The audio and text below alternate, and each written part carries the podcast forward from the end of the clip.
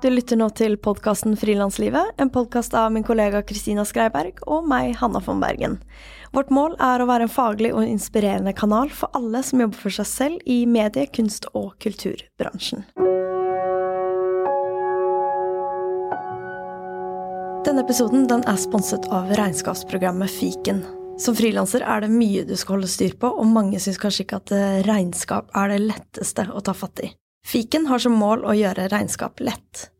I fiken kan du sende fakturaer, ta bilde av kvitteringer med fiken-appen, levere moms og skattemelding. Alt fra samme sted. Du kan prøve gratis i 30 dager på fiken.no.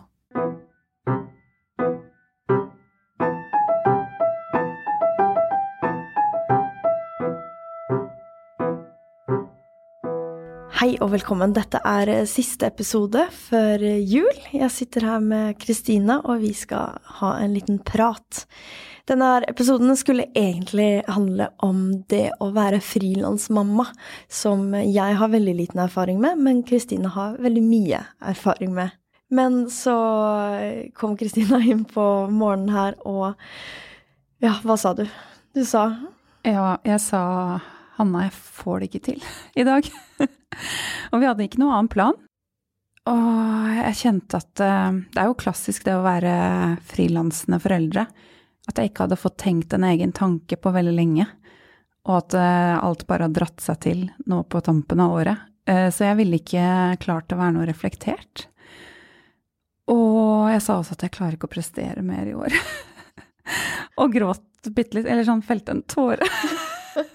Vi er litt emosjonelle her før det er juleferie. Litt sånn du, ja, Det er sikkert mange som kjenner seg igjen i det å ha pusha litt hardt for at ting skal lande og gå i boks, og så er man litt frynsete i nervene.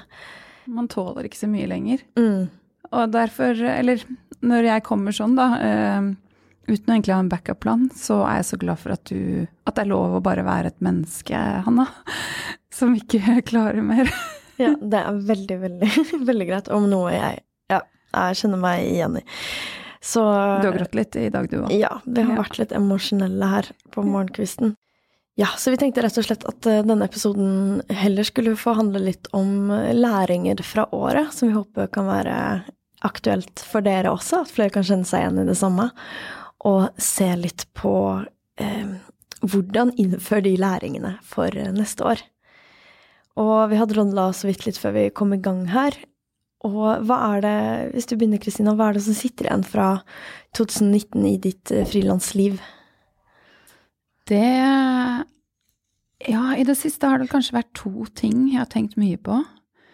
Jeg driver med ganske mange forskjellige ting. Vi lager denne podkasten sammen, og jeg har laget en bok hvor jeg både ja, skriver og fotograferer til den boka, og, men også til andre oppdrag og holder en del foredrag, og jeg har spilt inn en lydbok i år, og det jeg ser, er at jeg bruker mye kraft på å snu meg fra den ene tingen til den andre, og bruker kanskje mer tid på administrasjon og det som skjer rundt oppdragene, eh, enn jeg har lyst til. Og jeg digger jo å drive med så mye forskjellig. Eller det er jo ikke så mye forskjellig. Altså, alt handler om kommunikasjon og eh, journalistikk. Men eh, ja, nå har jeg en innboks eh, med veldig mange ubesvarte e-poster fordi jeg bare ikke klarer å holde meg ovenpå. Fordi alt det der tar så utrolig mye tid. Mm, mail, altså. Åh. Og så jeg lurer litt på hvordan jeg kan effektivisere eller jobbe bedre eller bruke mindre tid på alt det der. Eller om jeg bare skal akseptere at det er mm. sånn. Ja, for er det en myte? Går det an å Eller man kan jo så klart Vi har snakka litt om det her. Det går an å bruke mindre tid på administrasjon, og vi begge er ganske glad i struktur, oversikt, liker å måtte sette oss ned og sortere, ha orden, helst svare ting ganske kjapt og ha gode systemer, da. Men så tror jeg at vi kunne jo gjort mye ting mye mer røft og ikke hatt så veldig struktur. men vi har personlig veldig behov for det. Og så er jeg en uh, forkjemper for at jeg tror at uh, hvis man har system som funker for en selv, så jobber man faktisk mer effektivt, fordi man slipper å Man blir i hvert fall mindre stressa fordi man har et trygt system som man stoler på at bevarer den infoen til du plukker den opp neste gang, da. Så ikke man går rundt og husker på alt du skal huske på. Men du er mye, mye bedre på det der enn meg. Jeg, jeg, har, jeg har, en, har, system, men uh, det er ikke så vanntett som ditt. Jeg har brukt mange, mange år. ja, og jeg skal bruke nyåret. Ja. Men jeg, merker, jeg merker at når det blir mye i perioder, så faller det. Og det er jo det som er vanskelig, at det her tar jo tid.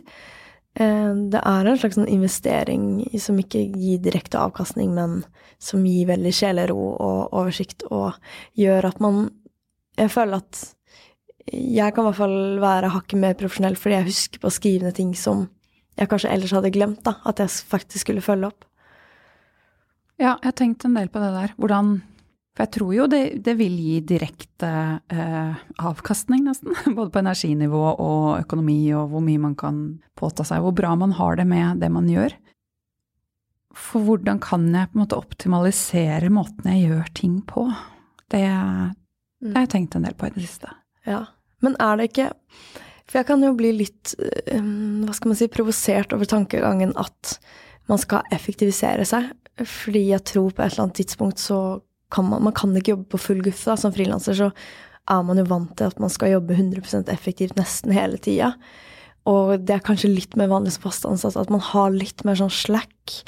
Eh, fordi man vet Man er ikke 100 effektiv hele tida. Men som frilanser så vil det innebære bare Du får ikke lønn der hvor du kanskje tar en halv dag, eller gjør den administrasjonsarbeidet, eller jobber litt saktere, eller Ja, det går mest utover deg selv, da, fordi man legger opp til en slags sånn enormt ja, prestasjonskrav. Men jeg tror jo at det er verdt å stille seg spørsmålet er, er det riktig å effektivisere, eller er det mer riktig å prøve å velge bort ting? Velge bort tenker jeg. Men eh, nei, jeg i en ideell frilanshverdag, hvis jeg tar løpende oppdrag, så bør jeg ikke ha oppdrag mer enn tre dager i uka. Og så bør de andre to dagene være eh, forbeholdt eh, e-poster og møter og en treningstime og ja, et møte som bare oppsto og var veldig inspirerende, eller påfyll. Eh, og det ser jeg, jeg har gått litt i den fella at jeg jobber mer enn de tre dagene, og da vokser jo bare bunken av alt det andre du må gjøre rundt, og så får jeg jo ikke tid til å gjøre det. Mm. Og det, det, er ganske stressende å ha hengende over seg. Ja, jeg føler nok eh, litt det samme. Jeg har følt at jeg ligger veldig mye bakpå i år. Eh, og det er noe jeg har veldig lyst til å endre for neste år. Er å ha en følelse Jeg tror aldri man kommer til en følelse hvor man ligger skikkelig frempå, men noe med det er å ikke ha ja, man ligger mer frempå, da. Og kunne ha litt mindre ting som man gjør, men heller vie litt mer tid. Og sånn som du har sagt veldig fint i en annen episode, kunne tenke litt lengre tanker. At ikke alt blir så kort og hurtig, og det er en mail og en telefon, og hoppe mellom det prosjektet og det prosjektet, men at man får satt seg ned og faktisk eh, ja, jobba litt grundig med noe, da. Ja, det er da jeg har det bra. Men jeg husker fra de årene hvor jeg ikke hadde så mange oppdrag, og jobbet mye for å få dem, og jeg ukene fremover var Altså kalenderen var helt blank. Det er jo veldig stressende, det også, på et, på et annet plan. Men det jeg savner med det, er jo at jeg da kunne tenke mange lange tanker, og tenke sånn hvor vil jeg, og hvem bør jeg kontakte, og legge planer og mm. mens, det, mens nå ruller det jo bare, og ruller litt for fort. Så Kanskje man skal liksom ta litt det tilbake fra den eh, Eller ja, ta tilbake litt det man hadde i starten. Eh, og de som er der i starten, eh, nyter litt også. mm. Og tenk på det som jobb, fordi jeg tror jeg fort Sånn som når vi, vi hadde et lite minijulebord som var veldig koselig, og så dro vi på et event som heter Journalistikk Live. Som var veldig bra. Og det var så fantastisk og for meg så er det sånn Nei, men herregud, det her eh, Men herregud, det her er jo utrolig lærings, læringsrikt og ekstremt relevant for hvordan jeg jobber med eventer, hvordan du og jeg jobber, og ut, ja, bare spot on, da. Og det er kanskje mye bedre brukt de to timene enn to timer på mailboksen noen ganger. Og jeg tror jeg fort glemmer den her eh, input-påfyll-kvota, og jeg glemmer det at det å sitte og faktisk liksom få tenkt igjennom ting, eh, og se liksom synergieffekter, koble ulike prosjekter, eller hva det nå skulle være, er også veldig nyttig og verdifullt for jobben man gjør, da. Men jeg ser på det som litt sånn luksus som jeg ikke helt tar meg råd til. Samme her. Vi snakket faktisk om det på kontoret mitt um, noen dager etter eh, det eventet, for det var flere som hadde vært der. At det å gå på sånne ting, at man da uh, ja, regner det som en del av frilanstilværelsen sin, og da kanskje Sove litt lenge neste dag, for de som kan det. Ikke jeg lenger. Men ehm, ja, at man unner seg de tingene som er gøy og gir påfyll, og har luft nok til at man kan gjøre det da, i løpet av uka si. At det også er å bli en bra utøver, holdt jeg på å si. Mm, Aktør. Jeg tror, det er kjempeviktig, og jeg tror jeg fort Jeg tror jeg syns det er så gøy at jeg ikke tenker at det er helt lov. Mm. sånn Hæ, er det her eh, Skal jeg gjøre det her? Eller det føles kanskje ut som man burde sitte og gjøre noe nyttig. Så jeg skal ta til meg det i 2020 og prøve å balansere den der output, input, eh, effektive korte tanker og lange tanker da, mer. Jeg også. Det er den evige balansegangen, altså. Men, eh, og en annen ting, for du spurte hva jeg hadde tenkt på, eller hva spurte du om i starten? Mm, Så sa jeg to ting, tror jeg. Kanskje flere. Men en annen ting jeg har tenkt mye på i det siste. Uh, og egentlig etter at du lagde den episoden om mental helse i musikkbransjen.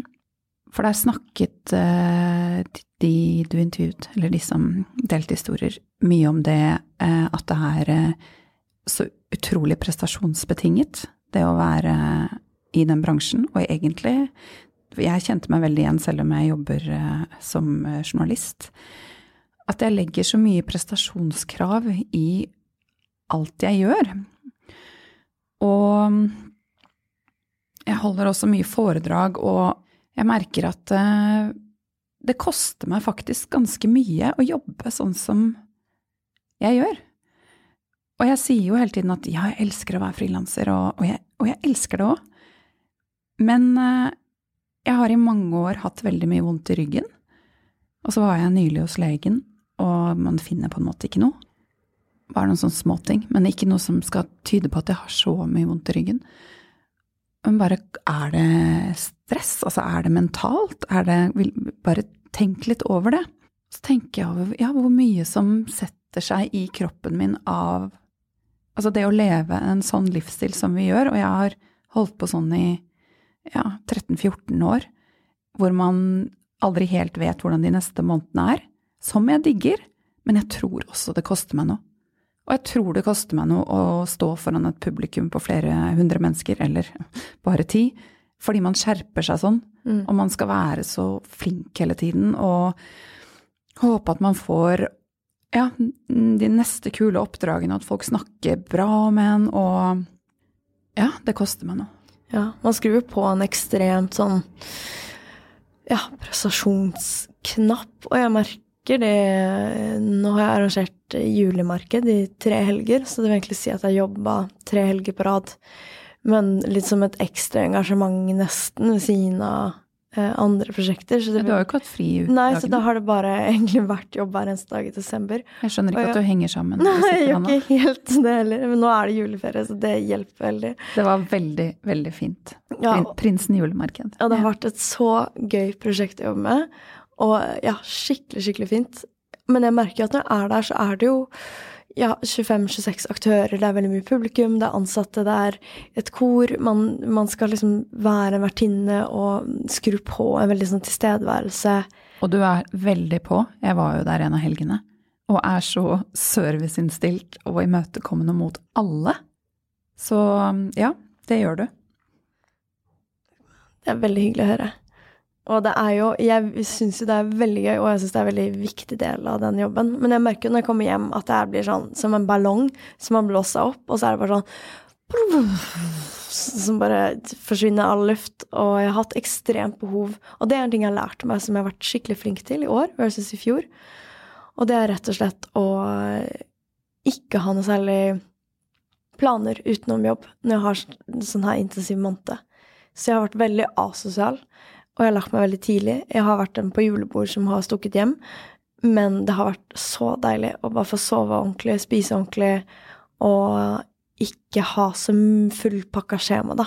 At er, slingringen er rett og slett på liksom kvelden og, og, resten av tida. Og der kjenner jeg at jeg har litt å lære. Fordi det er sånn jeg sier til alle også, at uh, du kan ikke være god på alle fronter. Du kan ikke ha det Det tror jeg vi har snakket om før. Men du kan ikke trene, være en kjempegod venn, delta på alle arrangementer, ha det veldig ryddig hjemme, levere bra på jobb. Alt samtidig. Men jeg merker at jeg krever det av meg selv. Å komme med kake på juleavslutningen på skolen. Eller jeg tok med Too Good To Go, så jeg var veldig fornøyd. Eh, ja. eh, å være på Lucia-feiring, og så ja, levere julegaver til alle jeg har samarbeidet med, sitte på kvelden og legge sløyfebånd på hver eneste bok og hyggelig hilsen. Altså, come on! Det er ikke rart at jeg blir sliten. Nei, man må Jeg tror vi begge har mye å lære oss i forhold til hva man skal velge. Og i perioder trenger ikke være sånn for alltid, men jeg har valgt nå i desember at nå skal jeg være god på å jobbe. Men det betyr automatisk at jeg ikke er så god på å være venn. eller så god på å være kjæreste. Men du eller... er god på å være venn og kjæreste òg, bare så ja. du vet det. Ja. Takk. Men kanskje litt hakket mer utilgjengelig venn, da. Men uh, at det også er helt greit. Fordi jeg tror at uh, Ellers så Ja, det er noe med å, å ikke bygge under for liksom alle krav man setter og stiller til seg selv, og være litt sånn eh, Men hallo, det går fint. å gi seg litt slack, da. Og det Du har jo en veldig fin uh, tanke, syns jeg, rundt eh, neste år, og starten av neste år. Kan du ikke fortelle litt om det?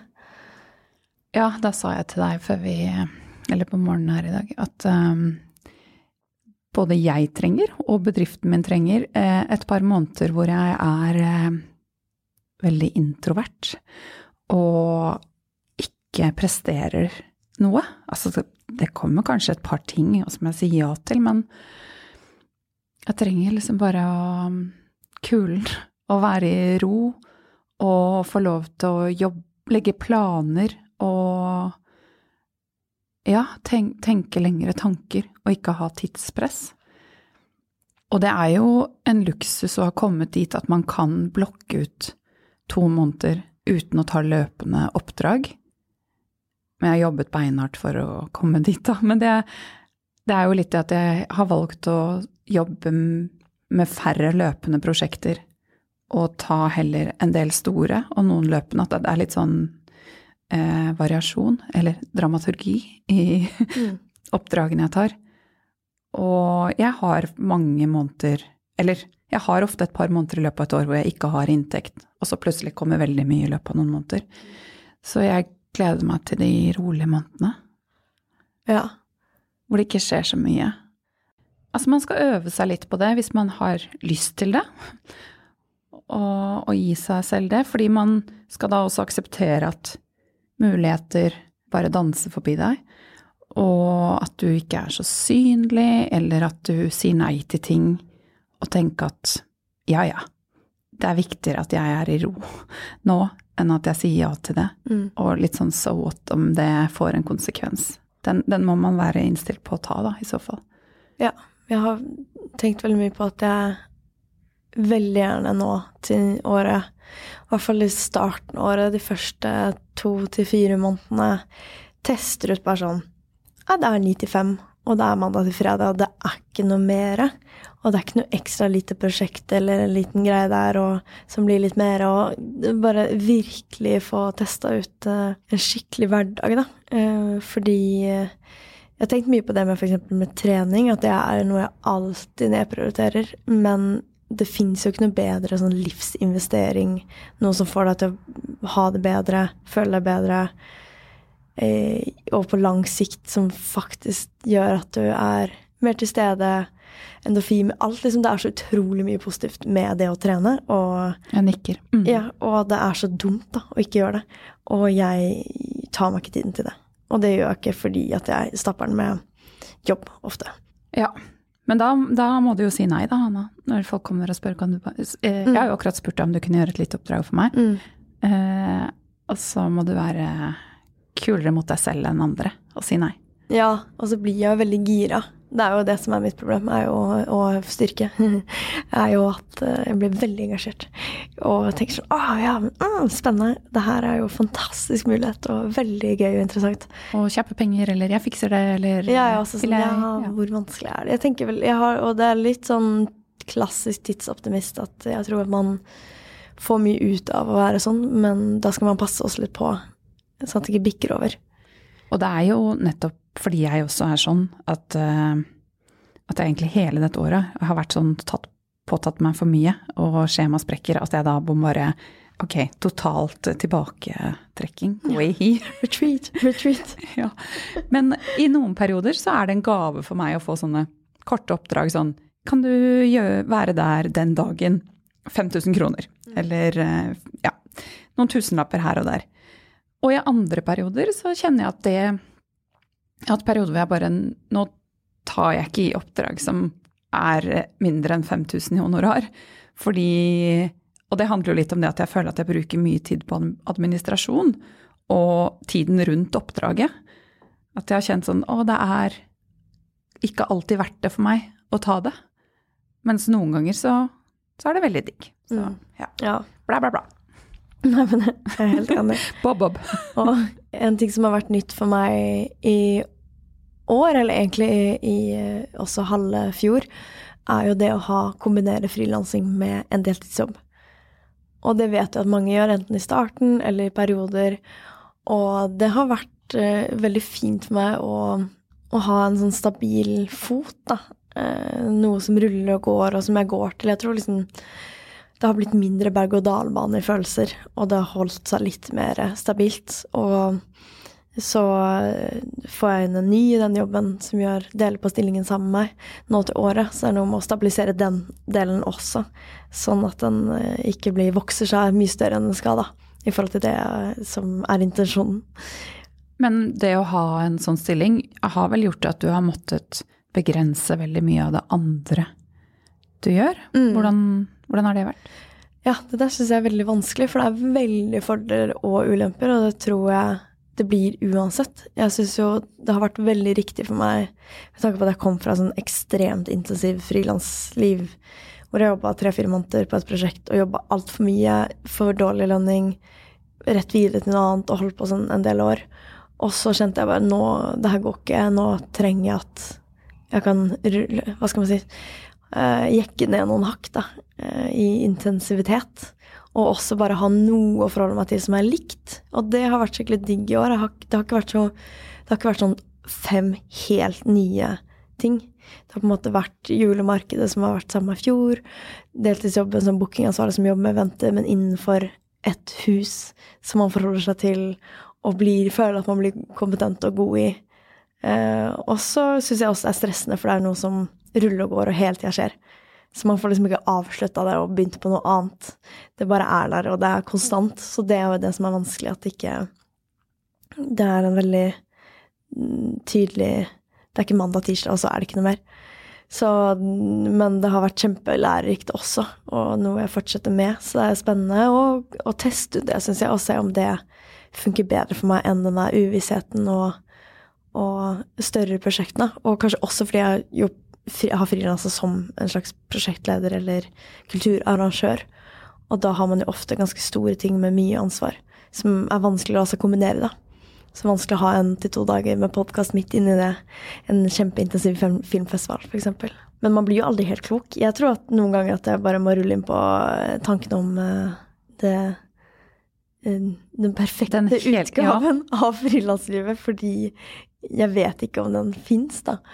Jeg tror man alltid Jeg tror som frilanser så i hvert fall jeg leter veldig fort etter eh, hvordan ting kan være bedre. Eller enda mer spennende, og det ligger litt sånn naturlig i det å jobbe på prosjekter. som jeg syns er helt fantastisk, men kan jo også være litt slitsomt. Jeg tenker jo at jeg også parallelt skal jobbe med å være fornøyd og lande litt i her og nå og det jeg driver med. Og gi ting litt mer tid. Jeg har litt for hastverk. Er, eh, så jeg skal være litt mer sånn tålmodig rundt ting. Og tilbake til det perfekte frilanslivet, eller generelt det perfekte livet, eksisterer jo ikke. Altså Hæ? Nei, men det er, eh, det er jo alltid noe i livet, og det er jo en del av det som er livet. Og så må vi jo bare lene oss tilbake i det. Mm, og ikke bare se framover, for jeg er veldig sånn Jeg har tenkt mye på Noen mennesker er, veld, er veldig sånn fortidsorientert. Andre er veldig til stede her og nå, og noen er veldig sånn framtidsorientert. Og jeg er definitivt den siste. Og det er sikkert du også. Ja, dette har vi snakket om. Ja. Mm. Eh, mens jeg kjenner folk som er ekstremt gode på å være her og nå, som jeg beundrer. Um, og litt hvis man hele tida jager det neste, så glemmer man litt bort Det er jo klassisk, det er jo, ikke, det er jo en stereotypi, men da glemmer man litt bort det her og nå. Og det er noe jeg tror man aktivt bare må øve seg på, da. Ja, jeg kan sette meg ned for å lese en bok eller avisen eller se en serie, men allikevel, jeg bruker en sort Moleskin-almanakk. Ta den med meg sånn at jeg kan legge litt planer fremover. Nei, gjør du det? ja, og jeg nyter det på en måte òg, men så tenker jeg sånn, kan jeg ikke bare sitte her uten å tenke på hva jeg skal? Det er jo Ja. Mm, men jeg, du fremstår Eller sånn, jeg oppfatter deg som et veldig tilstedeværende menneske. Det er bra. Ja. Og jeg Jeg nyter også livet mitt, altså. Ja, ja. det syns jeg du er god på. Og jeg går litt inn og ut av en boble. da, jeg merker, altså Kjæresten min har sagt at oi, nå er du liksom, nå er du i bobla, uten at jeg har helt merka det. Så jeg tror man uh, fort ikke helt har man har ikke alltid den følingen på hvor man er selv. Nei. Så da er det litt viktig etter et prosjekt å komme seg litt ut av bobla. Mm. Og det er noe fint med de kontrastene òg. Å være i noe og være veldig oppslukt av det, men så få lov til å bare Ok, nå er det juleferie, skrur av mobilen hvis man vil det. Det, skal jeg, det har jeg veldig lyst til. Og bare nå, nå er det noe helt annet. Nå skal jeg være hjemme og henge og gå i tightsen og lese bok, liksom. Mm. Gleder meg så jeg gleder meg mye. Også. Jeg tror alle, altså jeg tror folk gleder seg mye til jule... Eller jeg gleder meg i hvert fall ekstremt til juleferie.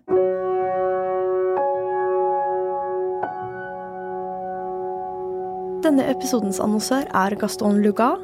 Det er et nytt svensk designmerke som lager ryggsekker med minimalistisk design. Som frilanser så er man ofte på farta, og da kan det jo være greit å ha en god, stor ryggsekk å bære livet sitt med i. Og disse ryggsekkene de er veldig stilrene, men de er også funksjonelle og er laget i vegan lær. Så sjekk det ut på gastonluga.com. Jeg har to eh, planer for nyåret. Begge begynner på M. Det ene er å begynne å meditere fast. Det har jeg øvd meg på lenge, eller prøvd å få inn i den daglige rytmen, men det, det er en utfordring. Mm. Det, Liker du det? Ja, jeg merker at jeg har um, så mye mer space i hodet når jeg gjør det. Og ja, det er som jeg, at jeg har et ekstra lag oppi der som ikke gjør at man um, uh, kortslutter, skulle jeg si. Jeg mener ikke det. Eh, som ikke gjør at man tenker sånn Å nei, eh, hvordan skal jeg gjøre det? Og hvordan uh, uh. Altså, man heller bare Det går bra. Det løser jeg. Altså at man får en sånn buffer og overblikk og litt distanse. Mm. Og det andre var eh, markedsføring. Markedsføring og meditasjon. ja, det er, det er, veldig fint, de to tingene sammen. det ene er veldig introvert, og det andre er veldig ekstrovert. Ja. ja. Så blir det en fin eh, Hva heter det? Vektskål. Yes. Ja. Hva tenker du med markedsføringa? Hva, hva, innebærer det? Jeg har savnet eh, en jeg savnet en egen kanal der jeg kan snakke om meg selv. er ikke den podkasten din, da? Nei, jeg har en Instagram som er eh, helt privat. Eh, men hvor folk som kjenner meg, følger meg. Kanskje noen andre, vet ikke helt. Men eh, hvor jeg er litt sånn forsiktig med å legge ut eh, for mye jobb, for jeg tenker at det ikke er så relevant for, eh, på den arenaen. Men da savner jeg egentlig en mer sånn levende kanal hvor jeg Altså blogg, bloggen er jo død, på en måte. Instagram er kanskje bloggen. Lenge leve podkasten. og og, og podkasten. Nei, så jeg tenker at jeg bør opprette en Instagram som er det jeg lager. Eh, en kanal for det. Eh, som ikke er meg privat, men eh, hvor de som følger meg der, vet at det de får der, er masse selvskryt, og jeg har laget et prosjekt, og jeg møtte denne kule dama, og Som er historiefortelling, da. Som er det jeg driver med. Jeg har savnet en plattform hvor jeg kan gjøre det. Mm. Så jeg tenkte jeg å opprette. Ja. Gøy. Ja. Kult. Og jeg tror jo, i min erfaring så har jeg fått utrolig mye arbeid fordi man er synlig i det man gjør, da. Eh, og folk har hørt om det eller lest om det, og så blir man spurt om ting. Og så er det jo også viktig å tenke på når man følger deg og din Instagram, hva skal jeg som følger få ut av det? Eh, hva vil du ha?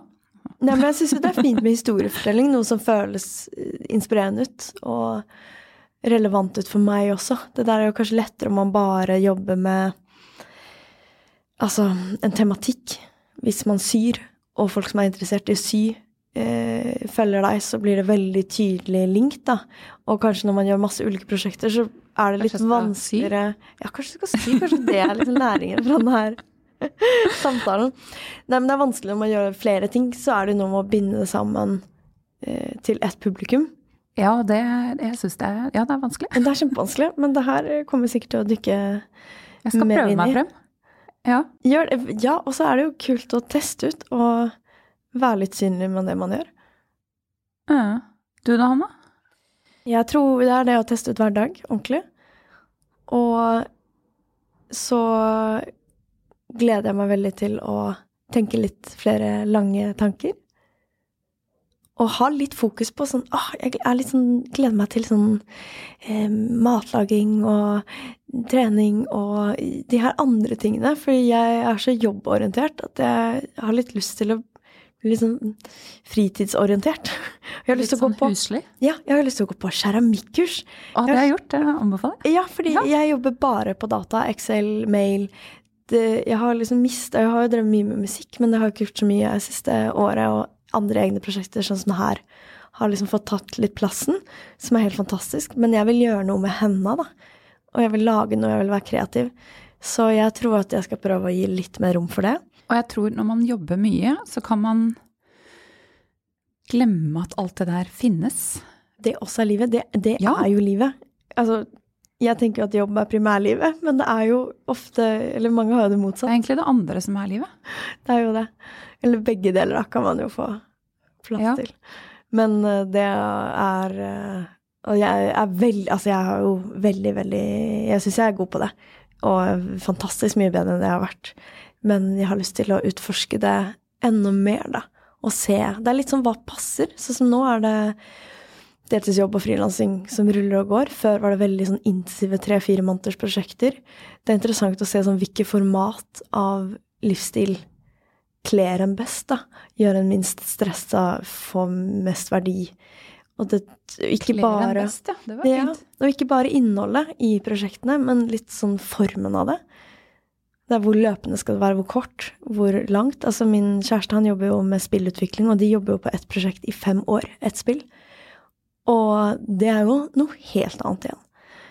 Så det Jeg syns det, det, er interessant å reflektere litt mer rundt. Sånn keramikkurs og sånt. Um, jeg som har to barn, jeg bruker jo Jeg jobber sånn 9 til 5, eller 9 til 4. 8 til 4. Henter barna, middag, henger med de, eh, legging, og så er det stort sett husarbeid. Eh, så jeg ser jo at Eller jeg vet at skal jeg gjøre sånne ting, så må jeg inkorporere det i arbeidsdagene mine. Arbeidsdagene mine. Fordi jeg har ikke annen, fordi jeg har ikke annen tid å ta det fra. Natta. Natta, ja. Natta, ja. Natta, da må man bare være heldig Eller sanke den søvnen man kan få. Ja, nei, jeg tuller. Så det er um, Tror jeg Og det kan jeg jo. Og det vil jeg. Ja. Mm. Sånn noen dager hvor jeg bare tar meg fri fordi jeg har lyst til å være hjemme og sy. Ja, og det her er jo litt sånn Det er jo det man bør gjøre som frilanser. Man har jo muligheten til det. det er, hvem er det som har sagt at det er 37,5 uker som er det det skal være? Altså, det er jo forskjellig fra land til land. og noen har seks timers arbeidsdag, andre Melge har tolv timers arbeidsdag. Og jeg tror man jeg har, Det er så inkorporert den er mandag til fredag 9 til 5. At vi føyer oss etter alle de andre Ja, som har normale jobber. ja, men det føles ut som ja, da skal du gå på yoga og være hjemme en dag. Det var, er det lov, liksom? Er det så slack? Ja. Ja, fordi jeg føler at, det er ikke er ikke innafor. Men hvorfor er det ikke innafor? Det burde jo selvsagt, hvis man har mulighet økonomisk til det, så er det jo bare helt fantastisk. Uh, Så ja, det sier jeg bare eh, litt av eh, gullstjerne på den. Og før jeg skal ha sånne perioder som eh, rolige perioder, eller Så driver jeg jo og regner veldig mye på Post-It-lapper hjemme og i hodet sånn Ok, den, de honorarene der, den får jeg en der, det gjør at jeg kan ikke ta oppdrag på fire uker, f.eks. Det er er puslespill. Ja, du er jo ekstremt hardtarbeidende. Ja, for det høres nå ut som jeg er litt sånn Ja ja, det har jeg økonomisk mulighet til, og Meditere maks før du. Nei, Nei, så jeg kjenner jo at jeg legger jo inn et støt for å kunne gjøre det. mm, Mm. og det er veldig fint. Man må jo ha penger. Ja. Og jeg tror at vi har snakket mye om, og litt sånn intensjonen med hele podkasten også, er jo at ikke frilanslivet skal være liksom en kamp. Det skal, at man føler at ballen begynner å rulle. Man lærer seg mer om det å drive business og det å drive kunst og eh, kunne finne sin form på det, og lære litt fra alle ulike måter å gjøre det på. Og utfordre litt kanskje den der hvilke sannheter har man om arbeidslivet, da, som man, eh, som man eh, bygger opp under. Og jeg tror jo vi går rundt med en tanke om at frilanslivet er en kamp. Altså, jeg har jobbet lenge, men jeg tror det er det som er litt sånn grunntanken. Du skal kjempe litt. Det er, det er eh, Ja, det er tøft også. Men eh, nå tenker jeg på det Kristin Valla sa, sa i episoden om å skrive bok, en forfatter. At eh, hun fokuserer veldig på at det skal være gøy, og at hun skal kose seg. Så hvis man kanskje klarer å snu den mentale forestillingen om hvordan det skal være å frilanse, så kanskje man får det bedre. Mm. At man skal Ja. tenke litt mer at dette, dette skal være gøy. Ja, nyte det. Og det er ikke så farlig om jeg ikke får en god tilbakemelding, eller ja. Ja, og for meg så har det jo faktisk hjulpet veldig å ha en deltidsjobb. Har gjort at jeg klarer å nyte frilanslivet eh, mer, fordi da er det liksom en del av det økonomiske sånn unna veien, da. Eh, der jeg er i liksom mitt frilansstadie. Så det der er jo litt forskjellig hvordan man, hvordan man løser det. Men det å prøve å finne sånn hvordan kan man få mer energi, og hvordan kan man liksom fjerne det som tapper en for energi. Ja, sånn har jeg sittet i mine notatbøker mange ganger opp igjennom. Hva gir, hva tar, hva vil jeg mer av, hva vil jeg mindre av? Går rundt i sirkel. ja, så skriver det samme hvert år. Ja. Jeg, jeg lagde jo en sånn eh, frem- og tilbakeblikk-episode i fjor på denne tiden. Mm. Kanskje Kanskje, vi sier akkurat det samme. Kanskje den er helt lik. I så fall kan det jo være at den blir annerledes neste år. Tja, det blir det samme da òg. Men det vi Før vi runder av. Ja, det som er viktig å si Det som vi vil si til dere, kjære lyttere, er at vi kommer til å bruke de neste månedene på å ikke ha episoder ute, men faktisk på å gå litt eh, behind the scenes og jobbe med utviklingen av podkasten. For det er jo en episode i uka, det ruller og går, og vi rekker egentlig ikke så mye mer enn å lage episoder. Og jeg tror eh, for dere og for oss så er det kjempespennende å se hva som kan komme ut av å bruke noen måneder på å finne ut av fortsettelsen. For vi skal definitivt fortsette. Jeg var veldig glad for å motta støtte av Kulturrådet nå nettopp. Og vi gleder oss veldig mye til å fortsette, men eh, da skal vi bruke noen introverte eh, måneder. Så da kommer episodene ut i Begynnelsen av april først. begynnelsen av april. Så tre måneder uten eh, episode. Mm. Episoder. Og det er jo 71 episoder ute. Eller 72. Så det er jo Hvis du ikke har hørt alle, så anbefaler vi virkelig å gå tilbake. Og jeg tror ofte, selv om man ikke nødvendigvis har hørt om gjesten, så er det veldig mye gullkorn å hente fra de fine intervjuobjektene. Og um, vi har en Instagram som heter Frilanslivet. Som vi fortsatt kommer til å poste mye i, og på en måte være litt sånn in touch med dere. Så veldig gjerne følg oss der hvis ikke du gjør det allerede. Så får du litt uh, oppdateringer og ja, ting underveis. Og før vi runder av, så tenkte jeg bare å lese opp en veldig hyggelig tilbakemelding Ja. fra iTunes, som, eller i iTunes, som kom nå for noen dager siden. Fra, faktisk fra Apple, Fra som Apple. eh, skriver om podkasten vår. Det er Katrin som skriver.